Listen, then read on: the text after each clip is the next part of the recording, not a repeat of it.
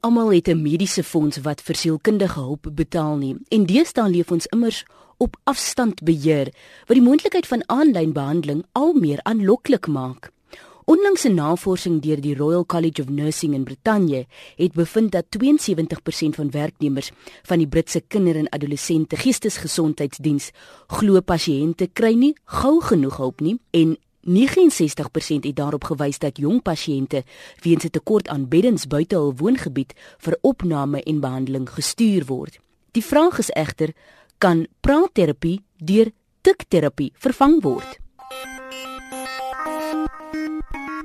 Dr Antonis Kasoulis, assistent-direkteur van die Britse Geestesgesondheidsstigting, praat oor die voor- en nadele van aanlyn terapie.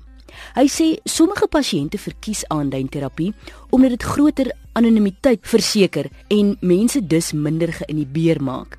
Aanlyn terapie kan ook geriefliker wees omdat dit nie tot tradisionele kantoorure beperk is nie en dit nie nodig is om te reis of om 'n afspraak by te woon nie. Maar kom ons kyk bietjie dieper na van hierdie voor- en nadele.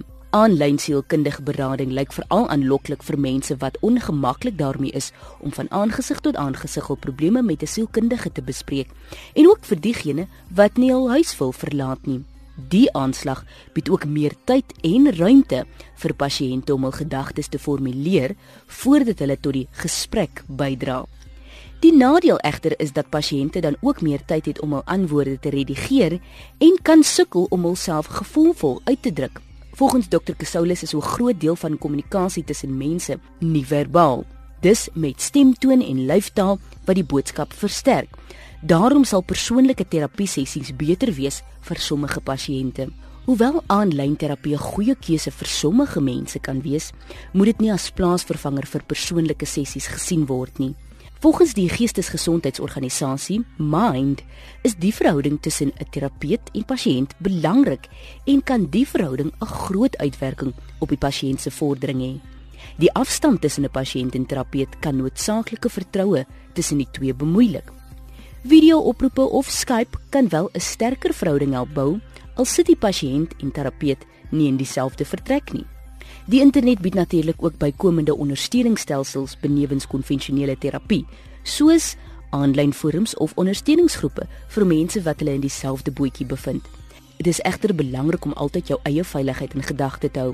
Moet nooit jou persoonlike inligting aanlyn bekend maak as jy nie 100% seker is jy kan die persoon vertrou nie. Daar is ook ander moontlikhede natuurlik. As aanlyn terapie nou nie vir jou is nie, maar ook nie persoonlike sessies met 'n sielkundige nie, kan jy dan ander moontlikhede oorweeg. Welsyns- en gesondheidsorganisasies bied telefoniese berading, krisisblitslyne en selfs teksboodskapdienste na jou selfoon. Wanneer jy moet kies, vra jouself wat presies jou behoefte is. Hoeveel tyd jy aan terapie wil afstaan en die aard van die werk en interaksies waarvoor jy kan sien. Kognitiewe gedragsterapie is 'n gewilde keuse vir aanlyn berading, aangesien die klem val op breinoefeninge tussen sessies en dat die pasiënt se vordering aangeteken word. Google kan jou dalk help om jou terapie opsie te oorweeg, maar volgens Dr. Kasoulis is dit beter om heel eers jou huisdokter se raad oor die saak te vra. Mense wat aan ligte angs of depressie ly, kan wel voel dat aanlyn alternatiewe vir hulle beter sal wees.